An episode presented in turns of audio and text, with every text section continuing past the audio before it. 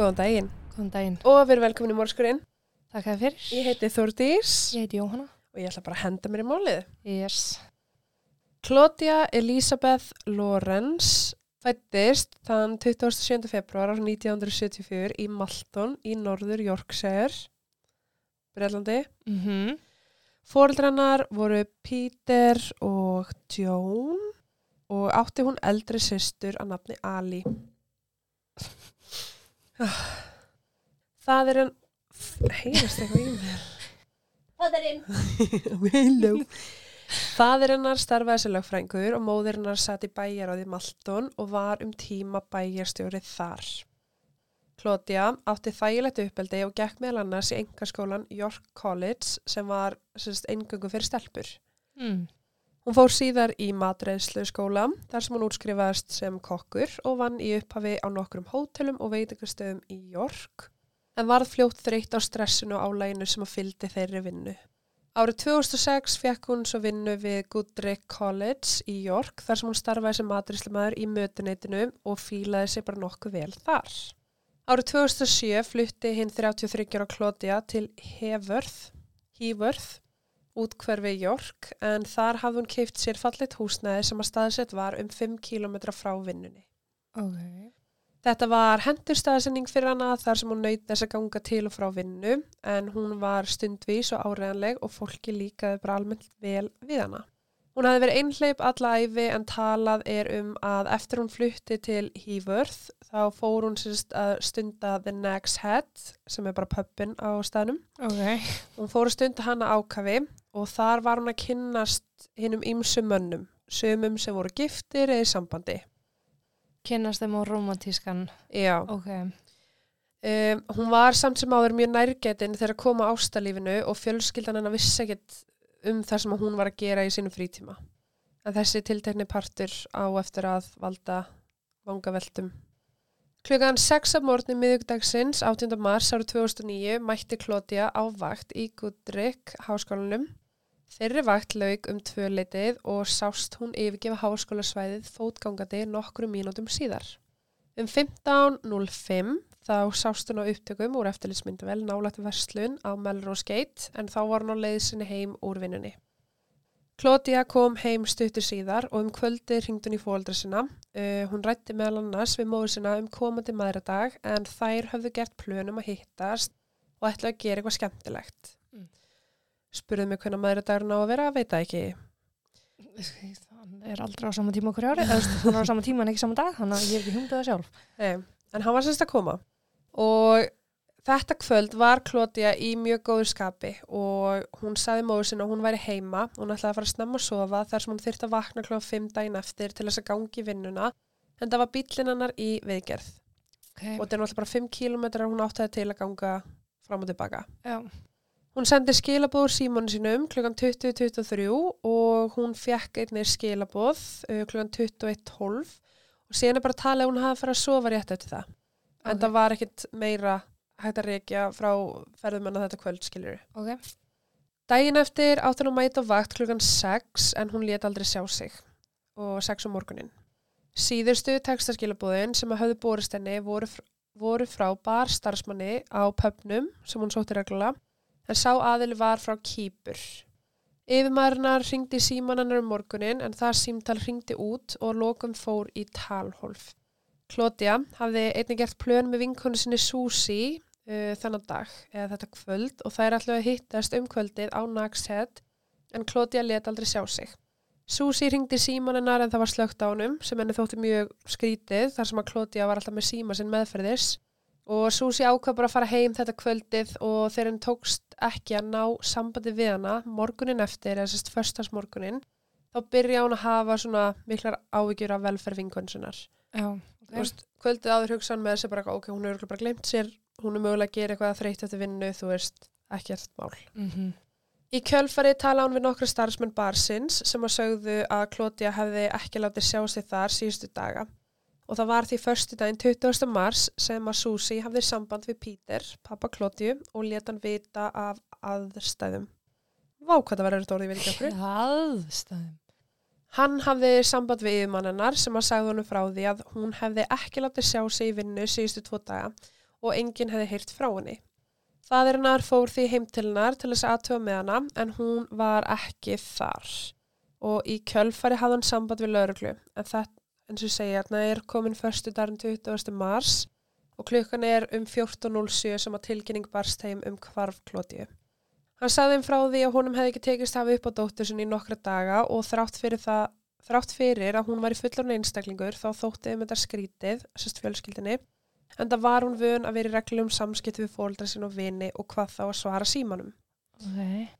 Lauruglan í Norður Yorkshire meðhöndlaði mál Klótiu sem manns kvarf en þeir voru mjög skeftískir á að hún væri í einhverju hættu en það fullorinn kona og það var ekkit sem að bendi til þess að eitthvað sagnamt hefði átt sér stað.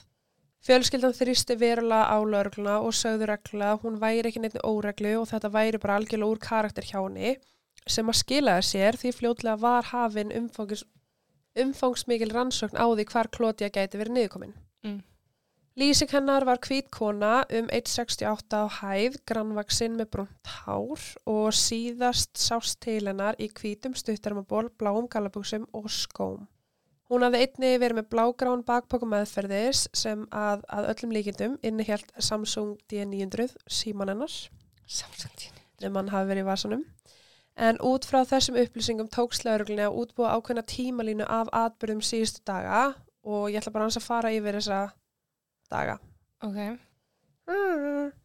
Miðvíkudaginn 18. mars þá klukkan 14.31 sérst Klótja á upptökum þegar hún er að yfirgefa vinnuna sína.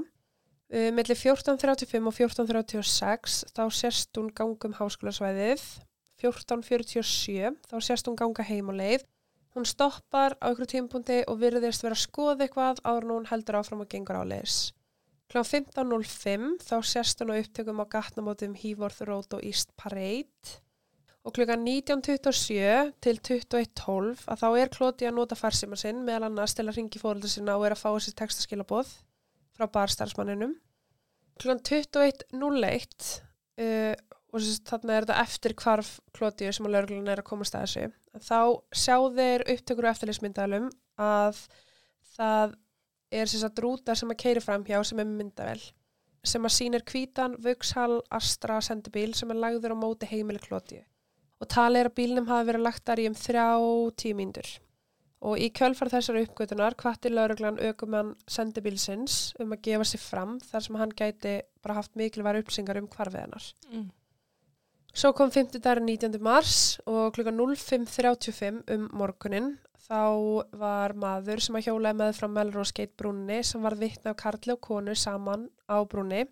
Maðurinn var um 1,70 á hæð, grannur af vexti, klættur dökkri hættubeysu og dökkum buksum og hann hjælt á síkaretu í vinstri hendi. Konan var aðeins minn en maðurinn með músabrúnt hár og klætt bláu mittisjaka með svona nöppum. Með músabrúnd. Ég hef alltaf, alltaf sagt að ég sem er músabrúnt hár. Skollita held ég að þetta heiti. Já, þetta er svona grábrúnt einhvern veginn. Já, ég skilji. Þessi íslenski litur. Já. Lauruglan hafði áhuga á að finna þetta par vegna þess að þetta var um það leiti sem að Klótja var vanalega að ganga í vinnuna og þetta er leið sem hún myndi ganga á. Um, leiðin í áttina vinnunni var sérst með frá þessari brú sem Ok. að þetta par sást þannig 0535. Lauruglan alltaf bara bað þess aðalum að stíga fram og það var ekki gert þannig að það var ekki hægt að fá betri upplýsingar um hverju þetta voru. Klukkan 05.42 þá ákveður lauruglan að skoða frekar, upp, frekar upptökur af því þegar klóti er á leiðinni í vinnuna. Og það var þá sem að þeir sjá Ford Focus Hatchback bíl. Ekki segja mér hvað Hatchback er, Nei, ok. eða hvað er það? Það stittur bílan station. Hmm. Já, þar hafið það. En bílinn sérst keira niður götu Klótiu en þegar hann nálgæðist heimilennar þá hægði hann verulega á sér eins og aukumar var að leita að einhverjum og þá sérstaklega einhverju fyrir utan heimili Klótiu. Ok. Klukkan 06 þá mætir Klóti ekki á vakt eins og alltaf var og tímyndur yfir 6 þá sjást maður og kona rífast á University Road sem var bara mjög nálægt vinnustanum hennar Klóti. Bílinn sem að þau hefði stigið út úr var lagt upp í kant og farþegahurðin var gal opinn. En sjónavottur sá ekki andlit mannsins vegna þess að hann var með bara dökka hettu. Milli 06.45 og 06.55 þá var maður sem að hjólaði vinnuna fram hjá húsi Klóti og hann man eftir að hafa séð mann standa fyrir utan heimileginar. En þessu manni var líst sem hvítur um 55 til 65 ára, 1,75 á hæð með miðlungsýtt grátt hár og þessi maður var í úlpu. Klukkan 12.10 er slögt á farsímanum hennar Klótiu og lauruglan komst þær niðurstöðu að síminn hefði ekki dáið heldur, heldur hafði manuali verið slögt á honum. Mm. Annarkvort að henni sjálfri eða einhverjum öðrum. Mm Klukkan eitt þá fannst uh, bakpoki svipaðar og sá sem að Klótja var með meðferðir, sá sem vegi sem að hún gekk vanlega í vinnuna og vittnið hreyfði ekki við bakpokanum þar sem hann taldi eigandi hans myndi vilja viti hans síðan meir en síðan kom bara það bara ljós að þetta var ekki eigur hennar. Nei. En þrátt fyrir að lauruglan hafi verið með þessa sterka tímalínu um ferðir Klótju fram að kvarfinar og sérst bara endalust af upptökum og myndefni og sjónavottum að þá vissir raun ekkert hvað þeir ætti að byrja að leita. Það voru margir einstaklingar sem að ringdi inn með ábyrtingar og grunnsalega hluti sem þeir höfðu séð og lauruglan ákvaða að eigða frekar tíma í að fara í gegnum þær ábyrtingar sem voru sérst áður en að Klótja kvarf. Okay. Í vikunni áður hafði kona verið kyrstað í umferðinni þegar hún var vitnaði þegar maður gekk niður Hívarþrót um 14.30 en hún var sérst ekki viss á hvaða degi þetta var nákvæmlega en sá maður var hvítur, grannvaksinn um 1,70 á hæð og þrítusaldri og konan benti á að maðurinn hafi verið að tala í síman og var sérst hlægjandi meðan hann gekk niður götuna. Og hann hafði eitthvað svona sérstakann áhuga á húsunum í hverfinu eins og hann væri að leita eitthvað ákveðnu húsi og þetta er bara svona ein ábytting sem að lauruglan er að fá, þú veist. Þegar konan fylgdist betur með þá tók hún eftir því að þessi maður stoppaði fyrir utan hús með grætni hurð og bankaði upp á. Kona kom til dyra sem passaði við lýsingarklótju og virtist nexlu þegar hún sá mannin, en vitni tók eftir því að vitni tók því sem svo að þau tvö þekktust á okkur hátt og að maðurinn hefði komið henn á óvart með þessari heimsókn. Maðurinn virtist á niðurdregin og við þetta var konan mýgri. Hún tók í höndans og leitt hann inn í húsið. Sér kom í ljós að þetta hús var svo sannlega heimileg klótju, þannig að lauruglan vildi náttúrulega bara ólmbera kennsla þannig aðeila sem átti að hafa komið heim til hennar. Já. En þetta er náttúrulega gerast sko áður nú hverfur. Já. Á meðan lauruglan var að fara í gegnum skýslur sjónuvotta þá fengur símtal frá laurugludeild í Tang Hall. En þann 1. apríl ára 2009 hafði maður farið inn og tilkynnt starfsfólkinu þar að hann uh, þekkti klótju og hann hafi svona viljað segja frá einhverju. Hún var líst sem rúmlega tvítugum, 1,72 á hæð, grannur og talaði með hreim. Frekari upptökur síndi mannin með ljósa hafnabólta derhúfu með nasamerkjun á, í peysum með rannelás, blámgallabuxum og hvítum skó með bleikri rönd. Bá. En þeim tókst ekki að hafa upp á þessu manni og til dagsins í dag hefur hann ekki verið auðkyndur að koma aftur fram. En það er sérst, hann kemur hérna inn og þú veist, það er bara einhverju móttökunni sem tekur á móti er bara ég vil fá að tala við dararara, ég vil fá að segja frá þessu og það er bara, já, hú veist, fáðu sæti, hann kemur hennar skams. Já. Og það er mjög margir sem náttúrulega bara fara, býða ekkert, þú veist, þú færið ekkert bara inn í herbyrgi strax. Nei. Þannig að hann fór bara og enginn í raun veit hver sem maður er og af hverju, hvaða uppsengar hann hafði. Það er rétt að vona að hann tengi smálunni þá ekki of mikið. Mm. Mm. En með mörgum frásögnum sjónavotta ákvað lauruglan að gera réttaransókn á heimili Klótju en megin tilgangurinn var að tryggja að hún hefði ekki orðið fyrir árás á heimilinu sínu áður en hún var þá mögulega flutt á annan stað. Í fyrstu rannsókninni fannst uh, ekkert grunnsalegt nema að sletti átniðinnar vantaði sem var mjög skrítið. Já, ok. Hver tekur bara með sér sletti átn út og það er eina. Þú veist, veskinar, vegabrif, allt var á staðnum. Já. Lauruglan ákvæð síðan að framkoma réttaransókn í uh, bílnum hennar sem var sérst í viðgerð í bílskúrtum hennar þegar hún kvarf og við skoðun á bílnum fann lauruglan síkartustöpp. Stöppurinn var innsiglaður og sendið til greiningar en ástæðan fyrir því að hann vakti aðtekli lauruglu er svo að vinir Klótiu sögðu frá því að hún reykt ekki og því hliti einhver annar að hafa skilið þetta eftir í bílnum hennar. Um, Þegar greining á síkartustöfnum var lokið þá fann lauruglan DNA sem að tilheyrði Karlmanni.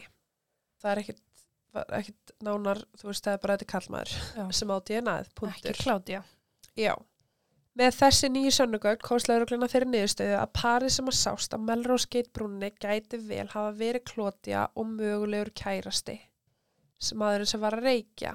Mm Maðurinn sem var vitnað þeim var yfirheyrður á ný og sagði að maðurinn sem hann hafði séð var náttúrulega að reykja og það var þessina sem að lögreglan þrýsti á það að maðurinn á brúnni myndi gefa sér fram í vonum að hans DNA myndi stemma við síkartustöpin sem að fannst í bílnum þannig að hægt væri það bara útilokan en hann gaf sig aldrei á tal við lögreglu. Á þreymur mánuðum frá hvarfi Klótiu hafði lögreglan í North Yorkshire fengið yfir 1200 ábyrtingar sem að gáfi upplýsingar en enginn þeirra leiti til neins. Á samt þessum ábyrtingum sem og þeim vitnisspurðir sem að sjónarvottar höfðu gefið út var lögreglan yngur nær í að afhjúpa það hvað raunverulega gerðist fyrir Klótiu nýja staðfesta hreyfingarinnar eftir 18. mars. Þeir ákveðu þá að gera svona ákveðna endurgerð á síðustu þekktu hreyfingunum hennar í vonum að geta útbúið frekar tímalínu af, af atbyrðarásinni og myndað ákveðna kenningar. Upphálegu kenningarlauruglunar voru í fyrsta lagi að Klótia hafi farið með nýjum elskuga eða flutt í burtu til að hefja nýtt líf. En það er sérst talað um að á þessu svæði hafa verið um 3500 mannskvörf. Vá. Já. Og með tímanum sem að leið þá varð fjölskyldan bara svolítið skeftisk á að hún hafi bara stungið af. Og slögurglun er þarna bara eitthvað herði, hún hlýtur bara að hafa kynst einhverju manni og sé farin. Og það var sko sérstaklega mikið talað um kýpur. Okkur er kýpur. Vegna þess að hún þekkti hennar barþjón frá kýpur. Og Mm. hún hafði talað, eða hún hafði talað um að hana langaði að fara að vinna á kýpur sem maturslumaður og dararara. Ok. Þú veist, og það þá verið einhverju draumórar hjá henni. Og þá var mikið talað um bara, ok, getur verið að hún hafi bara flutt til kýpur. Mm Ég leita einhverju nýju lífi eða eitthvað. Mm Eða einmitt hafi kynst einhverju manni Já. og þau bara stungið af. En þá er alltaf einhver á hinnilínu sem að saknar mannsins Já, sem lætu vita. En enn og aftur það voru 3500 mannskvörf í kringum þetta svæði síðustu ár þannig að Mér finnst það ógeðslega mikið. það er svolítið mikið sko. Fjölskyldan, uh, þau sögðu bara að þú veist, alltaf tíminn leið og fjölskyldan sagði að hún væri búin að hafa samband. Hún væri búin að láta okkur vita að vera lægi með hana Mm Þú veist, hún myndi ekki þurfa að segja okkur hvað hún væri að hvað hún var að gera en hún væri búin að láta vita hei, ég er á lífi, það er í lægi. Já, já. Þannig að Menn kurtið líka. án gríns, sérstaklega líka að þú veist að það er verið að leita þér, sko. Mm. Mhm. Það þarf ekki að vera eitt bréf, hæ, ég er á lífi, Já, bara ekki leita mér. Bara er í góðum málum. Já. En þessari kenningu var sérst að lokum hafnað og þeir töldu bara að hún hefði ekki stungið af til að gera þetta. Hún var heldur ekki með vegabröðan eitt á sér. Akkurat, það fannst allt heima í henni. Mm -hmm. Hún kemst ekki land, getur ekki ferðast með slétti henni bara. Já. Næsta kenning var svo að Klóti hafa orðið fyrir slisi eða læknisfræðilegu neyðar tilviki á leiðsin í vinnu. En leiðin milli heimilisennar og vinnustæðarins var skoðuð og það fundust engin merki um hana eða eitthvað hefði átt sér staða á þessari leið og þegar Nei. var þessari kenningu vísa frá. Ok. Þá var talað um hún er kannski hrasa og dotti og dáið eða Já, hún hefði fengið hjartafall eða eitthvað. En þú veist, þá hefði hún fundist. Þeir leituð af svo allan grunn. Já. Þriðja kenningi þeirra var svo að Klótja hafi verið tilvílina kent fórtalan bræðmóringja eða tækifæri sinna og fréttir bárust af ímsu fólki sem hafði verið að haga sér undala á svæðinu dagana fyrir kvarfið. Farið var yfir þær skýslur en ekki þetta að tengja neitt við Klótju sérstaklega og sérst, mál þekktra raðmóringja sem voru virkir á svæðinu ás tíma voru einnig tekindi greina en það var ekki, þú veist, það var ekki þetta að tengja bara við Klótju til að nekla þessa kenningu. Og þetta er einhvern veginn bara svona kenning sem er alltaf uppi það, veist, og þetta er bara hún er svo automatist uppi raðmorgi, já, frábært Já. En þú veist, er virkur aðmón ekki á svæðinu? ég kem að því Ok. í fjórðalagi að Klótiu hafi verið rænta einhverju sem hún þekkti en sérfræðingar telja að Klótiu hafi þekkt árásamanni sinn og grunað engalíf hennar hafa átt þátt í kvarfinar Hún var að dandalast þannig utan í giftumunum að ekki. Jú, og það var einmitt að akkur ég lagði áherslu á það hann í byrjun Já. að lauruglan taldi sér satt að engalífi hennar væri ástæðan fyrir því að hún væri nú horfin Hmm. Um, það var þannig eitt mikilvægt sönnugagn í málinu sem að varða er síman hennar en það var náttúrulega slögt á hennu viljandi hann að kljóðan 12.10 19. mars Já. Sérst, yfirmaðurinn hafði ringt í hennar kljóðan 10 þennan morgun það er ringt út og svo talhólf segur það að síma var kveiktur og svo var slögt á símanu 12.10 Manually. Já Já. Í ljós kom að síminn hafði verið tengdur um mastur á hývorð svæðinu allan þennan morgun og þar til slögt var á honum sem að gefa til kynna að hún, eða sá sem reyndinni, fóru ekki af svæðinu. Nei. Vegna þess að eitthvað er að gerast þannig að hún á að mæta kljóðan 6. Henni hefur þá verið reynd fyrir þann tíma Mm og frá 6 til 12, 10 er síminn á þessu svæði. Já, já. Þannig að hún hefur ekki verið tekin upp í bíl og kyrt í burtu, skilur Eitthvað lengst í burtu, já, einmitt. Þannig að tali, og það er ástæðan fyrir að telja að hún hafi mögulega þekkt ára sem hann sinna hann hafi verið á svæðinu. Eina eftirlismyndalinn sem að síndi beina leið frá heimilennar til vinnustæðarins var við pósthúsið á Melrose Gate en upptakan frá morgninum 19. mars sýnir Klótiu ekki ganga þarum eins og hún hafi þá ekki komist á leiðis í vinnuna Uh en það er líka mikilvægt að hafa í huga að hún gæti allt eins hafa tekið ykkur hlýðagötu þennan dag Eða leigubíl. Já, þú veist, við vitum það ekki. Crime Stopper spuði 10.000 pund af verðlun fyrir þann sem veitti upplýsingar sem myndi leiða til handtöku og sakfellingar á þeim sem að tengdist uh, hvarfi klótiu og í kjölfæra því fjekk lögregludeildin yfir 1200 símtöl með ábendingum. Í byrjun júni ár 2009 var endurgerð að það var bara svona útbúið að farið betur yfir tímalínuna af síðustu þekktur heimingum klótiu og það var í raun útbúin svona sjónvarsættur sjónvarsþáttur á BBC One's Crime Watch. Mm. þar sem að þetta er einu svona bara leikinn þáttur þú veist, Já. þetta er bara klótið er að labba þannig að hún hverfur, þú veist, eitthvað svona. Og þá að vekja minni fólks. Gæti ég mögulega hafa séð eitthvað þennan dag. um svona áður. Já og Peter faðurinnar setti einn upp YouTube-rás þar sem hann óskaði eftir upplýsingum um Kara Dóttursinnar. Það var svo í september ár 2009 sem að lögreglan ákvað að færa leitin af Klótiu yfir til Kýpur Nú. sem ég fellaði maður sáðan. Ok. Klótia hún hafði þekkt nokkra sem að byggja á eiginu. Þú sagði það svo sjálfsagt eiginu. eiginu og lögreglan hafði sérst fengið upplýsingar um að Klótiu hefði bóðist vinna á Kýpur. Ok. Með þessum upplýsingum var þá þróus og kenninga Klótja enn og aftur gæti hafa þá farið til Kýpur, stungi af, bara fengið vinnu eða þá ætlaði að fara í ferðalega og koma aftur. Já. Og lögreglan yfirheyrði alla sem að þekktu Klótja á Kýpur og voru einnig að yfirheyra starfsfólki á háskólanum og það var bara ekkert sem kom úr þessari leit. Nei. Enn og aftur hún var ekki með vegabröðu sitt. Nei. Eftir að hafa rætt við samstarfsmenn Klótju þá kom í ljós að áður en hún hvarf þá hafði maður á hvítum, riðgum, sendiferðabíl verið að leita að henni. Eins og þessi sem sást fyrir utan heimalegar á myndbansaupptökum. Já, nema Ok. það var ekki specifíkli tekið fram að hann hafi verið riðgæður. Ok. Og þetta er náttúrulega, þetta er ekki eitthvað gæða myndavilar sem eru á nei. götuhóttunum, sko. Bílar eru heldur ekkert að ríðka bara miðri hurð. Um mitt, þú veist, getur verið smá rið hér og þar, sko. Samstarfsmenn töldu að Klótja hefði minnst á að hún væri að fara að hitta hennar mann áður hún hvarf og lögreglan vildi þín að tala á þessu manni. Báðan um að koma fram, enginn kom fram. Jesus. Já, það er bara lögreglan búin að byggja, sko, mannin á brúnni, mannin á hinum sendferðabílnum, mannin á Ford Hat- Hatchback bílnum, Já. þennan mann um að koma fram og það er bara enginn sem að stígu fram. Ok. Nefn að þá náttúrulega talið, þú veist, að gæinn sem að kom hann fram á aðra lögreglustöð, hvort að hann hafi verið einn af þessum aðalum sem hafði upplýsingar. En við veitum það ekki. Í lok árs 2009 fór verulega hægjur rannsókninni og færri ábyrtingar fór að berast lögreglu. Hins vegar var tæknin orðin betri og því ákvað lögreglan að gera aðra réttar rannsókn á heimili klóti.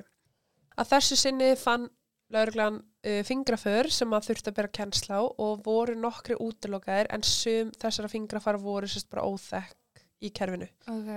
Þau voru óþekk, óþekkt í kerfinu. Einnig skoðu þeir aftur upptökur frá heimili Klótju og sáu þar tvo karlmenn sem að virkuðu grunnsalegir stutt eftir að hún hafi verið að tala við fóruldra sinni síman, sérst kvöldi, 18. mars. Ein af þessum upptökum var gefin út af lauruglunni í Norður Yorkshire á samfélagsmiðla. Ég vonum að einhverju myndi stíga fram með upplýsingar en þessi upptökar sýnir sem sagt aðila ganga með fram hývorð uh, rót, veginum sem liggur bak, á baku heimili Klótju. Óþekti maðurinn fer síðan úr sjónarhörðu myndavélunar, myndavélarinnar, áður hann byrtist mínútur síðar með einhvers konar tösku yfir öxlinni. Upptakan sýnir mannin á leiði tilbaka í átta hývorð rót, áður hann stoppar skyndilega þegar hann sér að einhverju að ganga framhjá. Mm. Því miður er ekki að sjá andlit mannsins og eftirlits myndavéla gæðin er ekkert eðlilega léleg. Hins vegar kom í ljós þarna að þrýr bílar fóru fram hjá þessu manni þessa nóttu og með þessar upptöku var lauruglan að hvetja þessu aukumenn til að gefa sér fram. Ég vonum að þeir getu hafa séð þennan aðeila sem að gekk baku húsið og labbaði svo aftur tilbaka og þá var hann með tösku eins og hann hafi sótt tösku ykkur starf Mm hver var í töskunni eða hvað var í töskunni Ó, hver var í töskunni? Já. enn og aftur, viltu gíska hvað gerðist? Hann gaf sig ekki fram. Enginn gaf sér fram. Ekkert bólað á rannsók lögreglu og lítið var um svör svo lögreglun ákvað uh, enn einu sinni að fara inn á heimileg klótiu með vonum að finna eitthvað en þeir náttúrulega hafa ekkert annað til að vinna með. Nei. Í þessari þriðju rannsókn komist þeir að því að búið var um rúmklótiu og sérst, hún, eins og hún hefði verið búin að búa um það.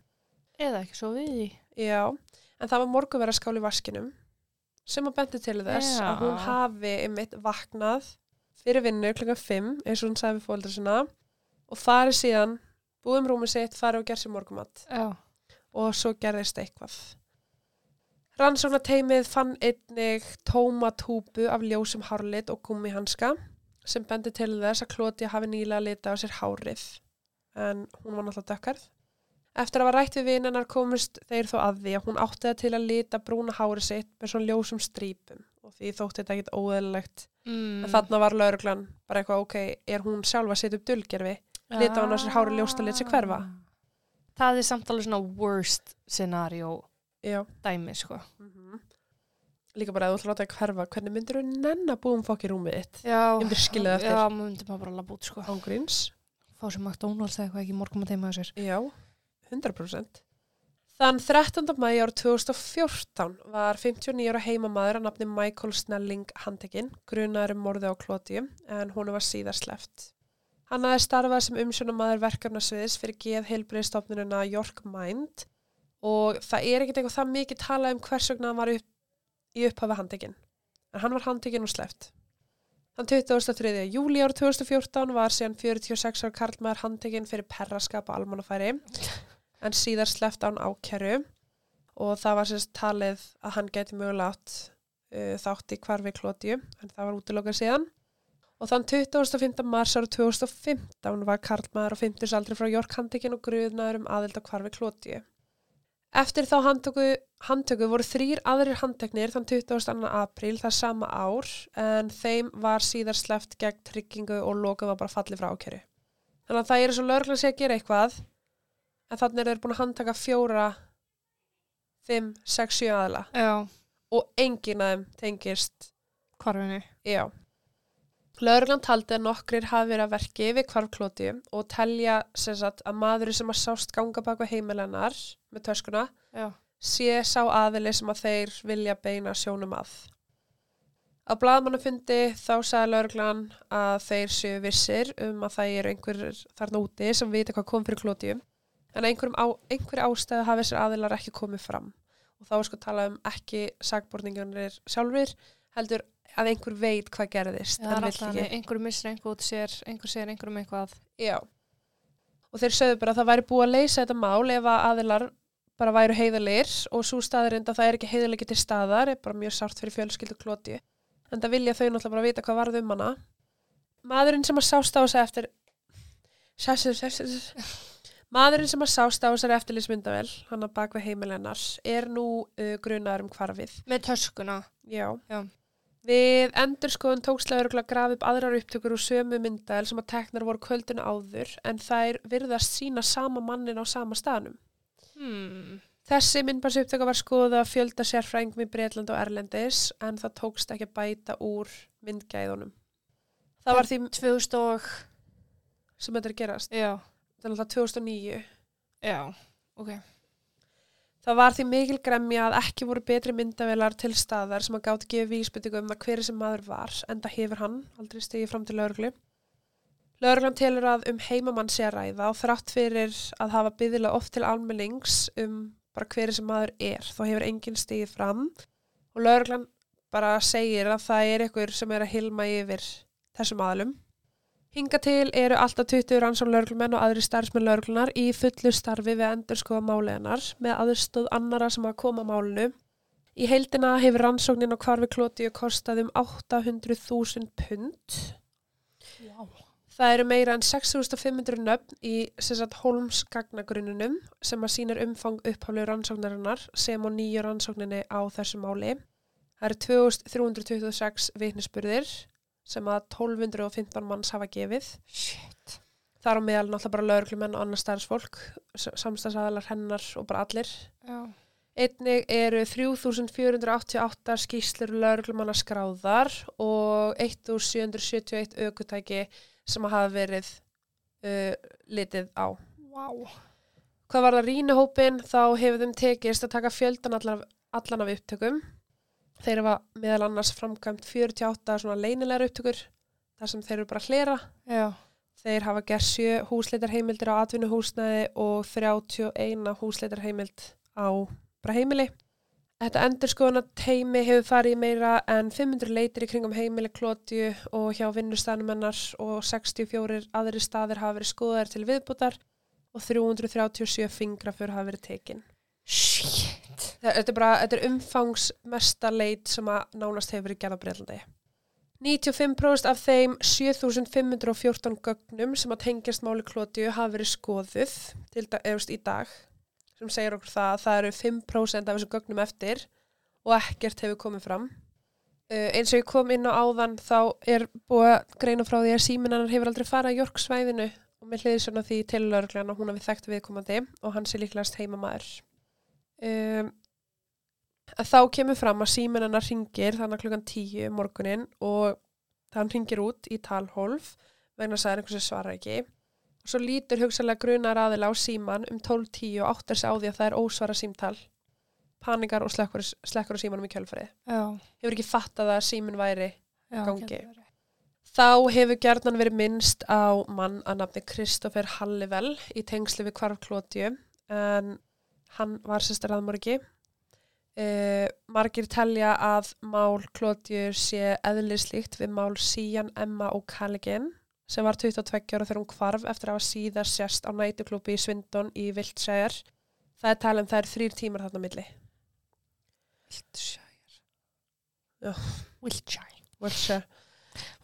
Wiltshire. Uh, síðan hafði yfirgefið þennan klúb um þrjúletið og hafið 20 minna göngutúr heim þegar leigubíl kom að henni og buðinni far og hún virðist hafa þegið það og í staðin fyrir að fara með hana heim að þá óg Kristoffer leigubílstjóri hana á afskekt svæði þar sem hann myrt hana. Mm. Það er aðtælisvert að síðan var myrt 19. mars ára 2011 og líka hennar var falið og það tala verið sami dagur og klótið að hverfur. Sem sagt ekki upp á ár 2009-2011 Já. en 19. mars. En hver hvar 2010? Þrátt fyrir að hafa aðeins verið dæmdur fyrir tvö morð þá hefur hann verið tengdur við ótal mörg önnur óbelsbrot gegn konum sem að fela í sér líkamsára segir nöðganir, mannskvörf og eins og segi morð. Þá var Kristoffer einnig ákjæru fyrir morðið á Becky Godden en hún var tvítug þegar hún fekk fara með Kristoffer sem að enn og oftur var þá leigubilstjóri. Mm.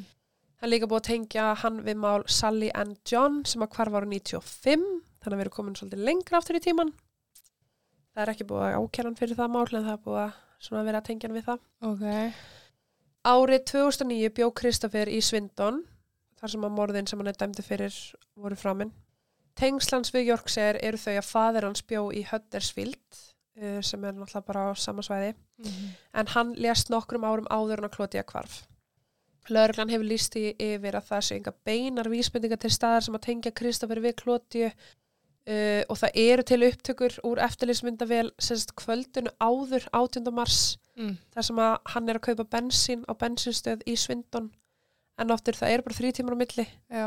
þannig að kvöldin áður og hún hverju morgunni 19. Mm -hmm. Mhm. getur vel verið enga síður telja sumir að þrátt fyrir að lörglan hafi ekki sannað að hann sé segur þá hafa þær heldur ekki sannað að hann sé saglaus Já, það er samt svo pyrrandi að segja þetta. já, það er það uh, mamma Becky sem var sem sagt tvítu af fórnalambið hans Mm. hún hefur stigið fram núna og hún segir að hún sé handviss um að Kristoffer hafi myrt Klótju og þetta hafi mitt verið hérna uh, svipadæmi, hann var leifblustjóri Já.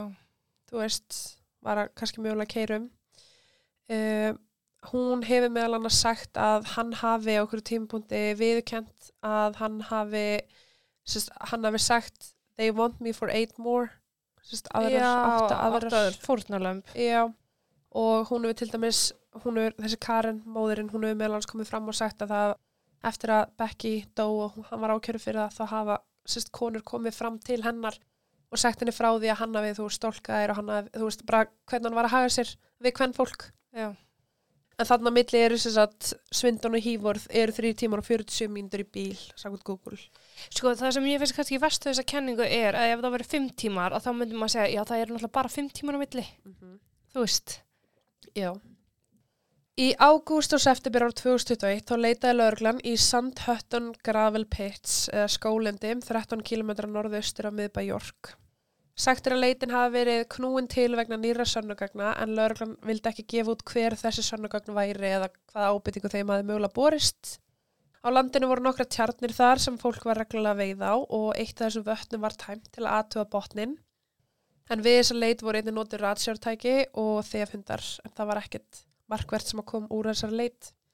Það sama ár lést fæðurinn að Pítur en móðurinn að renn í dag berjast fyrir jafnbretti fyrir dótsuna.